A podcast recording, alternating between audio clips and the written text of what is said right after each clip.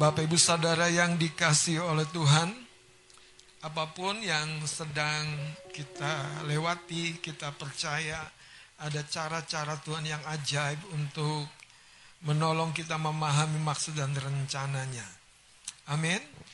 E, minggu yang lalu kita sudah belajar bahwa di dalam perjalanan umat Tuhan, bangsa Israel, pada waktu Tuhan e, berjanji untuk membawa mereka keluar dari tempat di mana mereka diperbudak di tanah Mesir dan membawa mereka kepada satu tanah, satu negeri yang berlimpah susu dan madu.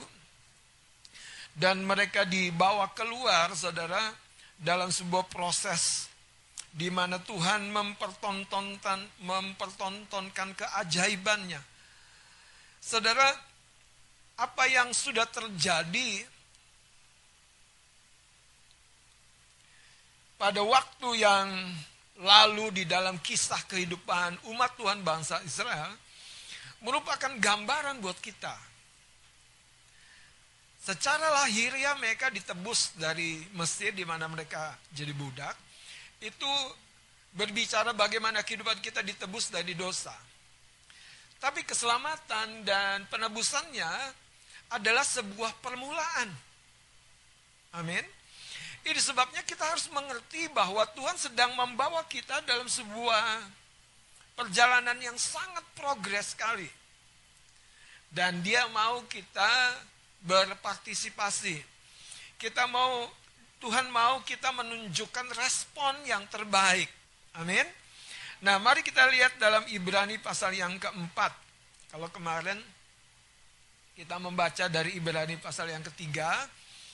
Kita belajar hari ini dari Ibrani pasal yang keempat. Penulis kitab Ibrani memahami benar-benar bahwa engkau dan saya telah mewarisi janji hidup kekal di sorga selama-lamanya. Dan dimulai dari tempat ini, di muka bumi.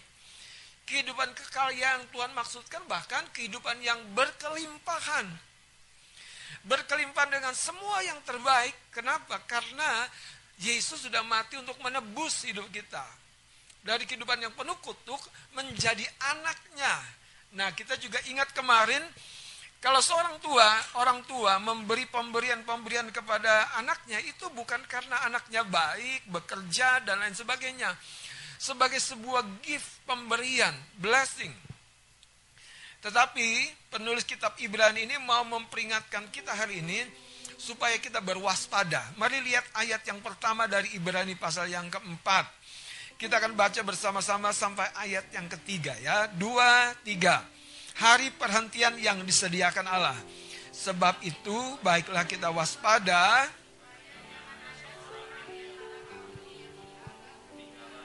Sekalipun janji akan masuk ke dalam perhentiannya, masih berlaku. Karena kepada kita diberitakan juga kabar kesukaan sama seperti kepada mereka. Tetapi firman pemberitaan itu tidak berguna bagi mereka. Karena tidak bertumbuh bersama-sama oleh iman dengan mereka yang mendengarnya. Sebab akan masuk ke tempat perhentian seperti yang ia katakan. Sehingga aku bersumpah dalam murkaku, Sekalipun pekerjaannya sudah selesai sejak dunia dijadikan. Nah saudara, apa yang dimaksud tempat perhentian dalam konteks Israel secara jasmani adalah tanah kanan. Tanah yang di, diberikan kepada mereka sebagai warisan. Tapi bagi hidup kita apa? Satu kehidupan yang baik. Satu kehidupan yang menggenapi janjinya. Dia memberikan masa depan yang penuh dengan pengharapan. Itu artinya apa? Dari masa muda kita harusnya sebagai orang percaya kita mengalami dan menikmati janjinya itu. Nah dalam konteks ini ada satu pesan yang sederhana sekali yang yang penulis kitab Ibrani sampaikan. Yang pertama pada ayat yang pertama, satu dikatakan gini, sebab itu baiklah kita waspada, baiklah kita berjaga-jaga, Baiklah kita tidak tertidur, tidak terlena. Kita dalam posisi nyadar supaya jangan ada seorang pun di antara kamu ini kan penulis kitab Ibrani lagi bicara kepada jemaat, kepada orang percaya, orang Kristen, yaitu engkau dan saya. Ya, supaya jangan ada seorang pun di antara kamu yang dianggap apa? Ketinggalan. Ketinggalan. Artinya dia tidak masuk. Yang lain mengalami berkat, yang lain mengalami perjanjian Tuhan, yang sebagian ketinggalan. Nah, menariknya dikatakan begini, sekalipun janji akan masuk ke dalam perhentiannya masih apa? Berlaku. Janjinya masih berlaku, pintu masih terbuka, tapi kita tidak mencapainya karena kita ketinggalan. Ketinggalan. Kita tidak berjalan sesuai dengan ritmenya Tuhan. Kita tidak bertumbuh sesuai dengan tolok ukur iman yang Tuhan berikan kepada kita. Nah, kalau Anda nanti baca terus di kitab Ibrani ini, eh, penulis kitab Ibrani ini mensoroti begitu rupa orang-orang Kristen yang tidak mau bertumbuh Nah, apa sebetulnya yang mau disampaikan? Ternyata adalah begini. Pada sebagian orang, mereka mau hanya menikmati hasil. Tidak mau menjalani proses. Pada sebagian orang, mereka pokoknya ingin mendapatkan sesuatu secara instan, tapi mereka tidak mau mengambil langkah untuk menjalani tahap demi tahap sebuah proses mencapai apa yang sudah dipersiapkan dan dijanjikan Tuhan itu. Makanya dikatakan begini pada ayat yang kedua. Coba seorang bantu saya baca ayat 2. Ayat yang kedua. Ya. Karena kepada kita diberitakan juga kabar kesukaan sama seperti kepada Jadi, mereka. Lihat saudara, diperbandingkan kepada kita diberitakan juga kabar kesukaan. Kabar kesukaan yang mana? Kabar kesukaan yang dimaksud oleh percaya kita selamat, oleh percaya kita menerima, oleh percaya kita mengalami. Ini bukan hanya berkat hidup kekal, tidak di dalam api yang kekal, tapi berkat dalam hidup ini. Kita diberkati untuk menjadi berkat, kita diberkati untuk mengalami penggenapan kehidupan seperti yang Tuhan berikan kepada Adam untuk mengelola muka bumi ini. Kehidupan yang dijalani dengan wibawa dan otoritas ilahi. Kehidupan yang Alkitab berkata apa? Akan memberikan pinjaman, bukan meminjam. Kehidupannya seperti apa? Yang Alkitab berjanji akan terus diangkat menjadi kepala dan bukan ekor. Nah kalau kita hari ini belum mengalaminya, sekali lagi saudara,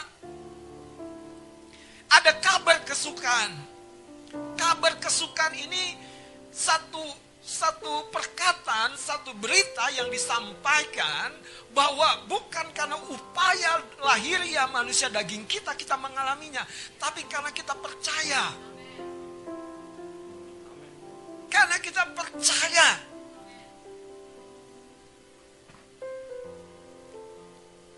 Lanjutkan. Tetapi, firman pemberitaan itu tidak berguna. Nah, tetapi mereka.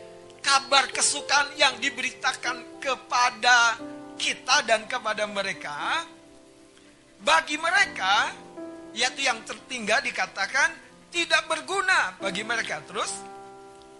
Tidak ber, uh, karena tidak bertumbuh bersama-sama oleh iman dengan mereka yang mendengar. Nah, di sini rahasianya, saudara. Coba lihat ayat yang kedua. Karena tidak bertumbuh apa? Bersama-sama oleh iman.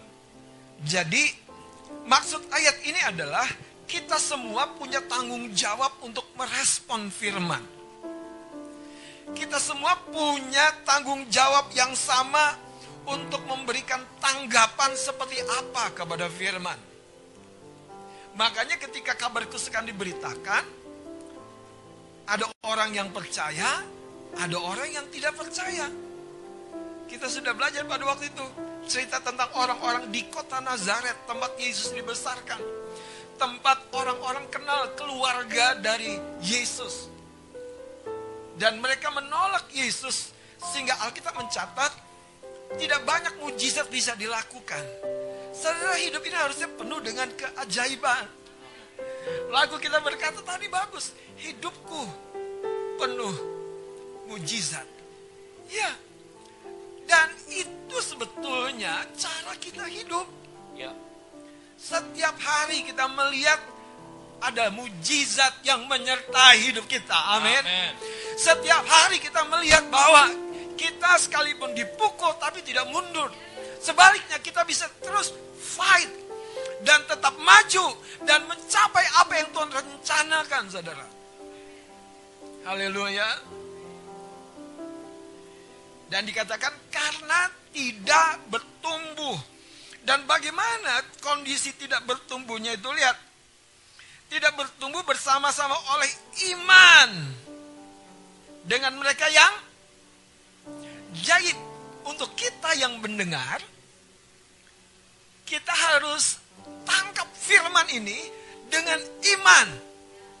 Sekali lagi, untuk kita yang mendengar firman ini, kita harus grab, tangkap, rengkuh, saudara berita bahwa Yesus sudah menebus sakit penyakitmu. Yesus sudah menebus dari dosamu. Yesus sudah membebaskanmu. Tangkap dengan iman. Dan ketika kita tangkap atau terima dengan iman, kita mengalaminya. Haleluya. Ketika saudara janin terbuahi dalam rahim seorang wanita, Siapa yang percaya dia akan jadi seperti apa? Tentu kita tahu dia akan jadi seorang seperti papa mamanya. Karena DNA-nya demikian. Kita harus percaya sekalipun belum berbentuk, belum berbuah karena DNA-nya ada di dalam di dalam iman kita, itu akan memanifestasikan yang sama. Yaitu apa? Kesembuhan.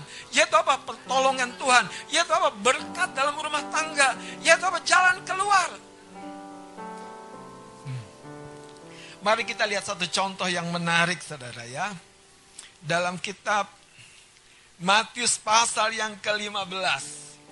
Matius pasal yang ke-15 sebuah cerita tentang perempuan Kanaan yang percaya. Ayat 21. Saya akan baca.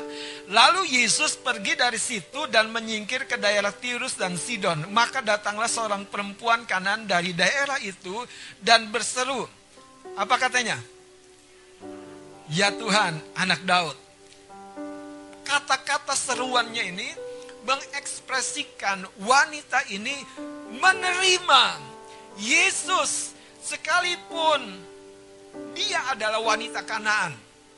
Dia bukan orang Yahudi. Tapi dia menerima Yesus sebagai Tuhan, sebagai Mesias, sebagai juru selamat. Nah, penerimaan wanita kanan ini, nanti Anda akan lihat, membuahkan sesuatu yang kuat sekali dalam kehidupan dia sebagai orang bukan Yahudi. Artinya apa? Kalau bagi orang Yahudi, itu pribadi-pribadi yang dalam konteks mereka, mereka katakan itu kafir. Orang Yahudi bilang begitu. Mereka orang lain, orang lain. Mereka bukan orang kita. Tetapi aneh, justru orang lain yang dimaksudkan dalam cerita ini yang mendapatkan janji dari kabar baik itu. Yesus pelepas yang sama, dia alami. Yesus pembebas yang sama, dia alami. Bagaimana dengan kita? Saudara, dia tidak berubah. Kata Alkitab, dahulu, sekarang, dan selama-lamanya. Dia tetap pribadi yang tetap utuh akan membawa kita dari iman kita yang paling lemah sampai iman kita yang paling kokoh. Lanjutkan saudara, lihat.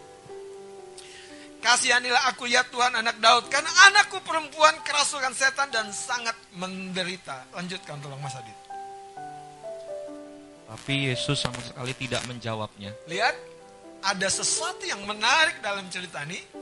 Respon Tuhan, respon Yesus cukup aneh.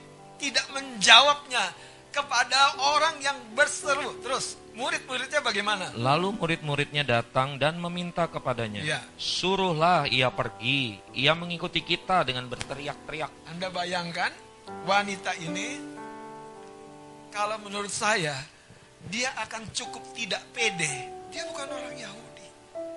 Makanya teriak-teriak dan mengganggu kerumunan yang sedang berjalan itu. Tapi yang menarik dari wanita ini, apa yang mendorong dia? Apa yang membuat dia arahnya bukan berbalik? Gak ada harapan, gak mungkin, gak bisa. Bagaimana mungkin aku bisa minta Yesus berhenti? Wanita itu, wanita ini tidak punya pemikiran seperti itu. Itu yang sangat menarik. Saudara dengerin nanti. Hatimu dan hatiku yang percaya, yang pertama, akan menentukan arah yang sedang kau tuju. Engkau akan menjauh dari kasih karunia, engkau akan meninggalkan Yesus, engkau akan meninggalkan kebenaran, engkau akan mengikuti jalanmu sendiri, atau engkau tetap mengikuti Tuhan sekalipun orang lain sedang meninggalkan Tuhan.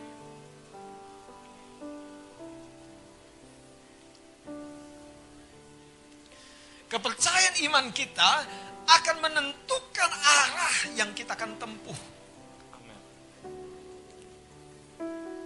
Kalau Anda mau punya usaha, kalkulasimu bagaimana? Dari mana modalnya? Ya aku nabung, bagus. Ya aku minjam, bagus. Ya aku ngutang. Bagus juga om. Yang penting jangan banyak-banyak. ngutang asal bisa bayar.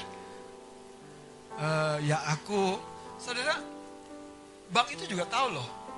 Makanya kalau dia ngasih pinjaman, bank tuh ngukur. Itu memang prinsip ekonomi begitu. Tapi ada cara-cara lain yang kalau Anda percaya ketika Tuhan terlibat dalam apa yang tidak mungkin bagi perjalananmu akan selalu dimungkinkan. Amin. Masalahnya, kabar baik yang saya sampaikan ini, apakah Anda tangkap dengan iman? Apakah Anda rangkul dengan percaya?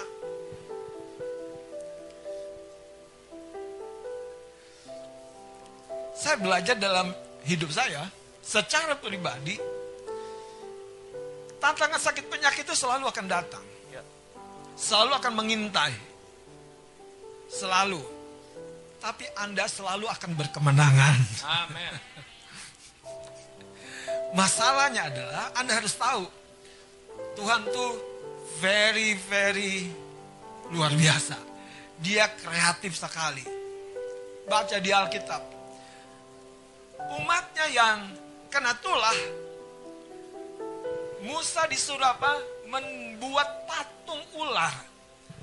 Dinaikkan dan barang siapa yang melihat patung ular itu karena percaya sembuh ketika mereka ketemu air pahit di sumur yang namanya Mara, apa yang terjadi? Ditunjukkan sebatang kayu, dilemparkan dalam sumur itu, sumur itu menjadi manis. Artinya, sering kali saudara keajaiban itu, dengerin saya, perlu media. Jadi kita tuh harus membuka hati begitu lebar. Bahwa dia selalu, selalu, selalu, selalu, saudara bisa membela kita, bisa membackup kita, bisa menopang kita, dan Anda selalu dan selalu akan sampai ke tujuannya. Haleluya. Kalau Anda berumah tangga untuk menghadirkan kemuliaan Tuhan dalam rumah tanggamu, ingini apa yang Dia ingini terjadi dalam rumah tanggamu. Modalnya apa? Hati yang percaya kepada firman. Maka saudara, itu akan terjadi kepercayaan iman kita akan menentukan arah yang akan kita tempuh. Wanita dalam cerita ini coba lihat. Ayat 23. Mengikuti rombongan Yesus dengan berteriak-teriak. Ayat 24 lanjutkan Mas Adi. Jawab Yesus, Aku diutus hanya kepada domba-domba yang hilang dari umat Israel. Ya. Tetapi perempuan itu mendekat dan menyembah dia sambil berkata, Tuhan, Tuhan, tolonglah aku. wow, wanita ini tidak kehilangan saudara motivasinya untuk membuat Yesus memberikan atensi kepada dia. Seberapa kuatnya Anda kalau doa seperti wanita ini? Langkah yang pertama, Tuhan harus memberikan atensi kepadaku. Mau dia jawab nanti, tunggu, nggak bisa, nggak boleh. Mau dia jawab besok, pokoknya dia memberikan atensi. Wanita ini menurut saya jadi contoh. Bagaimana saudara, ketika kita percaya, janji untuk mengalami semua kebaikannya itu kita terima. Lanjutkan saudara. Tetapi Yesus menjawab, Ya. tidak patut mengambil roti yang disediakan bagi anak-anak dan melemparkannya kepada anjing. Lihat ayat 27 dan 28. Kata perempuan itu, benar Tuhan, namun anjing itu makan remah-remah yang jatuh dari meja tuannya. Ya. Maka Yesus menjawab dan berkata kepadanya, Hai ibu, besar Hai, imanmu, ibu, maka jadilah imanmu." kepadamu seperti yang kau kehendaki. Dan Dan- seketika itu juga anaknya sembuh. Saudara, dia datang sama Yesus, anaknya di rumah sedang kerasukan setan. Tapi perjumpaan pribadinya dengan Yesus di satu lokasi yang berbeda itu menghasilkan kelepasan di tempat yang berbeda.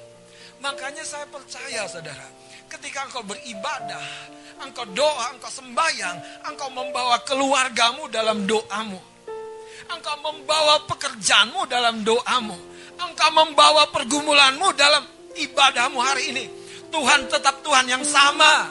Dia mampu melakukan sesuatu yang sekalipun jaraknya tidak engkau dan saya ketahui. Coba lihat ayat 28-nya. Ketika Yesus mendengar ungkapan yang menurut saya saudara. Termasuk agak ngeyel. Betul nggak?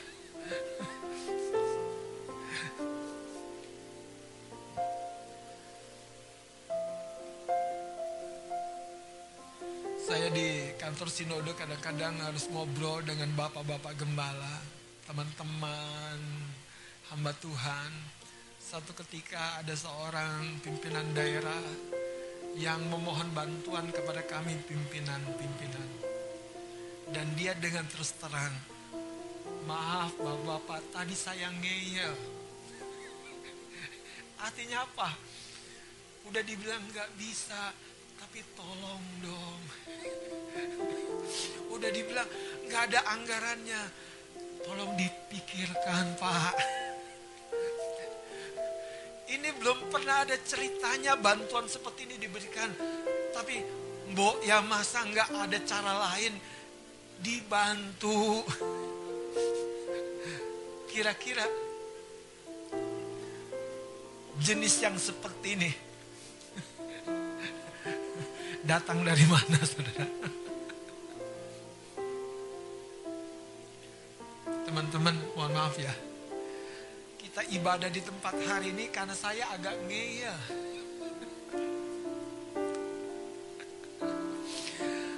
Kita udah sekian kali kalau nggak bisa ibadah waktu masanya apa pandemi tinggi lagi ibadah rekaman lagi atau ibadah di sekretariat tapi kali ini saya agak ngeyel saya bilang sama Kak Ani pokoknya cari cara kalau udah abang ngomong pokoknya itu yang repot saudara Dan puji Tuhan mereka adalah orang-orang yang sudah biasa banting kanan banting kiri tegak berdiri.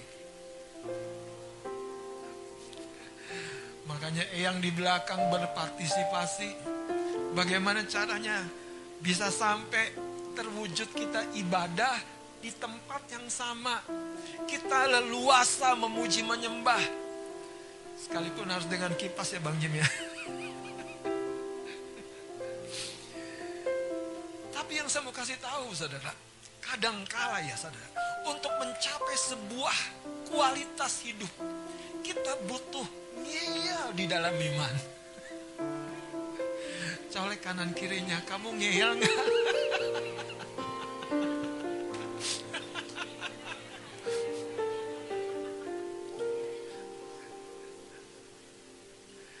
tahu, wanita ini sudah dibilang, sudah dibilang, aku diutus hanya kepada domba-domba Israel. Terus apa dibilang? Tolonglah Tuhan. Sudah dekat nih, Yesus sudah kasih atensi. Teman-teman, kalau ada pesan Tuhan datang kepadamu, itu pintu. Makanya jangan puas, jangan berhenti. Wanita ini saudara menarik menurut saya. Coba lihat. Ayat 26 saya akan cepat saya akan baca. Tetapi Yesus menjawab tidak patut mengambil roti yang disediakan bagi anak-anak dan melemparkannya kepada anjing. Tidak patut, tidak patut, tidak patut. Tidak patut. Kalau Anda datang menyampaikan sebuah proposal dan Anda dengar kata-kata ini sorry Pak Bu. Proposal Bapak Ibu nggak ada peluangnya di tempat ini.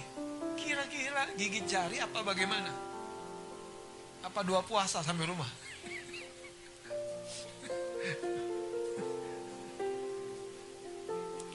Saudara jangan hidup ini terlalu di bawah santai. Nanti Anda ketinggalan Kalau terlalu, makanya dengerin kata-kata saya, terlalu di bawah santai. Kayak lima gadis yang bijaksana, lima gadis yang bodoh. Matius 25 mencatat, yang bijaksana tuh mau bawa pelita dan bawa buli-buli bersih minyak. Jadi kalau teman-teman datang ke sini, jangan hanya bawa diri, bawa iman. Bawa pengharapan, bawa kasih. Jangan mau egois. Orang yang egois anehnya justru mereka yang akan ketinggalan. Itu aneh. Beneran saudara. Kenapa? Orang yang tidak egois justru selalu, selalu, selalu, selalu.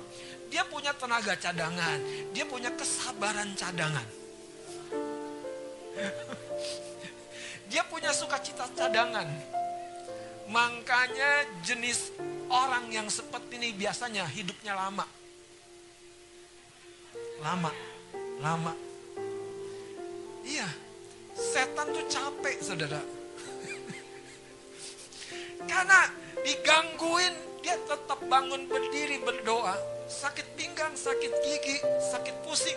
Bangun, duduk, berdoa. Anda harus ngeyel untuk sesuatu yang benar.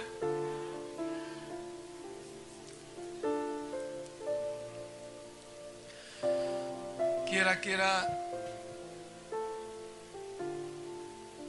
30 tahun yang lalu. Waktu saya lulusan SMA. Ini cerita yang kadang-kadang unik saudara. Karena kegilaan kasih mula-mula itu ya begitu saudara. Saya datang ke sekolah mau ambil sertifikat tanda tamat belajar. Ijazah, ijazahnya. Terus sampai di sekolah, TU-nya bilang gini, nggak bisa, kamu belum lunasi uang les matematika. Waduh, saya pikir, lah waktu itu kok gurunya ngajar les di jam sekolah, bukan di jam tambahan. Saya jelasin begini-begini nggak bisa. Ya udah, saya pulang. Tapi pulang bukannya nangis nyesel. Pulang sampai kamar, saya berdiri di belakang pintu. Biasanya saya doa suka di belakang pintu. Saudara. Ngangkat tangan. Tuhan saya doain tuh sekolah saya, guru saya, teo saya. Saya balik lagi. Si ngeyel ini memang begini saudara. Sampai di sekolah aneh. Tuhan bekerja saudara. Pas saya sampai, TU-nya masih ngotot sama-sama ngeyelan. Gak bisa. Dia anak sekolah, anak SMA. Ngotot minta ijazahnya karena belum bayar les. Gak bisa. Eh waktu saya ngotot gitu, kepala sekolah keluar dari ruangannya. Dia lihat ribut-ribut, ada apa? TU-nya bilang gini pak, ini si Robert ini, si Robert ini, tahu kan keluaran mana? Keluaran Tarutung barangkali.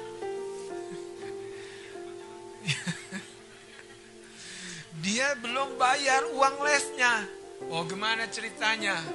Wah, kepala sekolahku raja guguk lagi waktu itu. Marganya.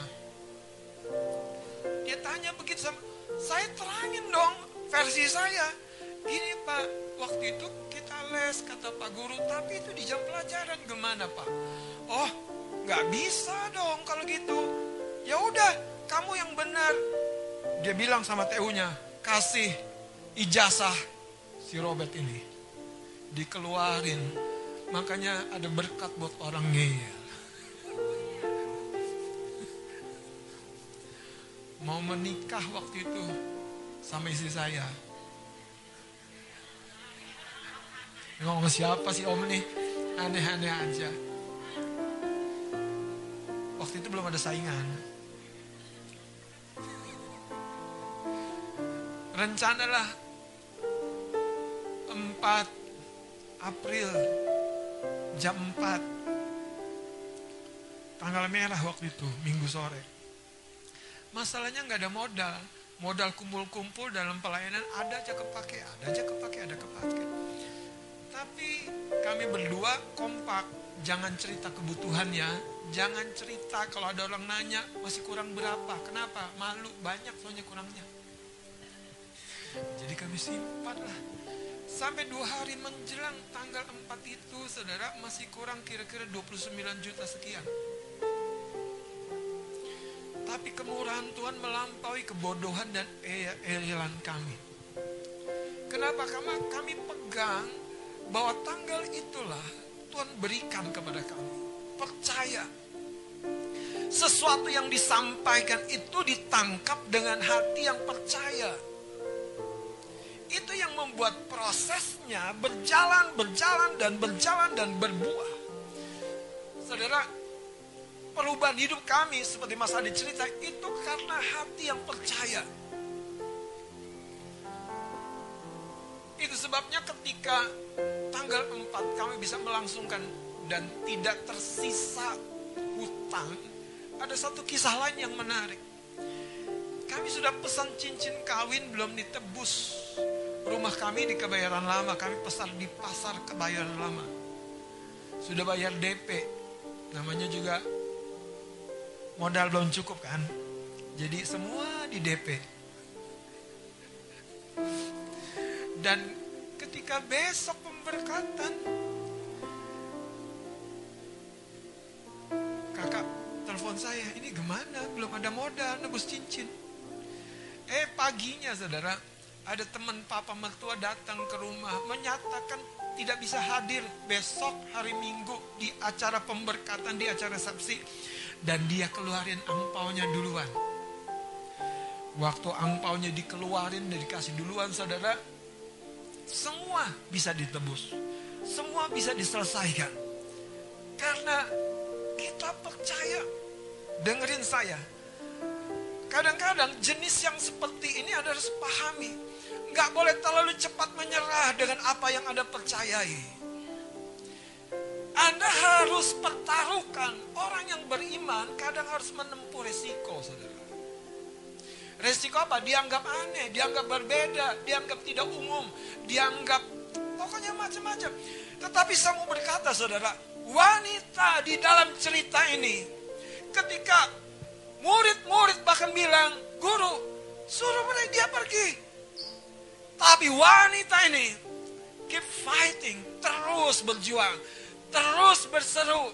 Saudara, jangan anggap perjuanganmu itu remeh, makanya kau mudah menyerah. Anda selalu bilang gini, nanggung, udah separuh jalan. Nanggung, udah berharap dari permulaan, Tuhan terlibat, jangan mundur. Ketika wanita ini terus saudara datang kepada Tuhan, datang kepada Yesus, Alkitab mencatat. Ungkapannya ini menggugah hati Tuhan. Sampai dia berkata, besar imanmu, besar imanmu, besar imanmu. Iman yang besar ini ditunjukkan dalam sebuah sikap yang tidak mudah menyerah. Iman yang besar ini ditunjukkan dalam sebuah sikap yang pantang mundur sebelum kita mencapai tujuan, mencapai hasil. Kekasih-kekasih Tuhan, kalau engkau ingin hidup mencapai sebuah kualitas hidup yang baik, jangan pernah anggap remeh tujuanmu itu. Kenapa? Akan datang tantangan-tantangan, kesulitan-kesulitan. Orang-orang yang belum tentu sepaham dengan hidupmu. Hal yang kedua, saudara, kepercayaan iman kita menentukan respon dan reaksi kita. Yang pertama, kalau kita percaya, kita bukan berjalan mundur, tapi berjalan maju. Arahnya jelas. Kita punya tujuan jelas. Yang kedua, kepercayaan kita, iman kita menentukan respon dan reaksi kita. Wanita ini tidak merasa jadi apa namanya kecil di hadapan Yesus. Waktu dibilang, masa lemparkan roti kepada anjing. Wanita ini tetap punya keyakinan engkau Allah yang maha pemurah. Bagimu terlalu mudah kalau engkau berkata, ya aku setuju dengan iman yang kau hadapkan terjadi yang tidak mungkin terjadi. Hari ini terlalu banyak kesempatan dan peluang itu kita abaikan, kita tolak. Karena kita tidak merespon berita, merespon firman, merespon khotbah, merespon janji perkataan Tuhan, merespon nubuat yang diberikan itu dengan iman. Kembali kepada kitab Ibrani, saudara. Sederhana sekali, karena kita tidak merespon dengan iman. Ayat yang kedua, karena kepada kita diberitakan juga kabar kesukaan sama seperti kepada mereka, tetapi firman pemberitaan itu, apa yang diberitakan kabar kesukaan? Yesus sudah bangkit, Yesus sudah menang. Dia mengalahkan sakit penyakit. Namanya berkuasa. Tapi nama yang sama yang berkuasa buat beberapa orang. Jangan-jangan buat kita tidak menyatakan kuasanya. Karena kita telah kehilangan iman. Saudara, wanita kanan yang percaya ini menggambarkan sikap iman yang kita perlu teladani.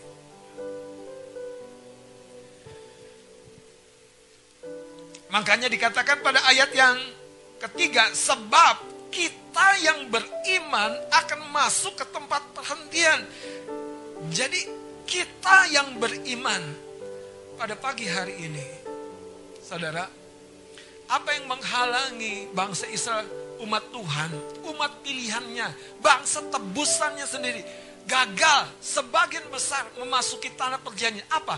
Karena ketidakpercayaan dan pada pasal yang keempat ini dibedah. Mengapa mereka tidak percaya? Karena mereka tidak mengambil janji itu dengan hati yang beriman, hati yang percaya. Wanita kanan dicatat oleh Alkitab percaya. Sekalipun situasinya tidak menguntungkan. Banyak orang yang mudah percaya kalau situasinya mudah, gampang, kelihatan menguntungkan. Tapi percayakah engkau, kalaupun langit tidak ada tanda-tanda hujan, tapi engkau tetap berdoa seperti kata Alkitab. Sungguh-sungguh berdoa. Kita tutup dengan ayat ini. Kita buka kitab Yakobus pasal yang kelima ayat yang ke-17. Elia adalah manusia biasa sama seperti kita dan ia telah bersungguh-sungguh berdoa. Tadi tuh ngeyel berdoa di hadapan Tuhan. gigih berdoa di hadapan Tuhan. Dikatakan apa? Supaya hujan jangan turun dan hujan pun tidak turun di bumi selama tiga tahun dan enam bulan. Lalu ia berdoa pula dan langit menurunkan hujan dan bumi pun mengeluarkan buahnya. Saudara, ayat 17 bagian A ini dikatakan Eli adalah manusia biasa sama seperti kita. Tapi dia telah bersungguh-sungguh berdoa. Mari kita bangkit berdiri. Saudara, saudara, ini waktunya kita mengalami janji berkat Tuhan. Saya berdoa apa yang kita alami hari ini mengingatkan kadangkala untuk sesuatu yang berharga dan bernilai. Kita perlu ekstra effort, perlu ekstra berjuang tanda kita percaya Tuhan di pihak kita. Amin. Haleluya. Kita tak akan menyerah.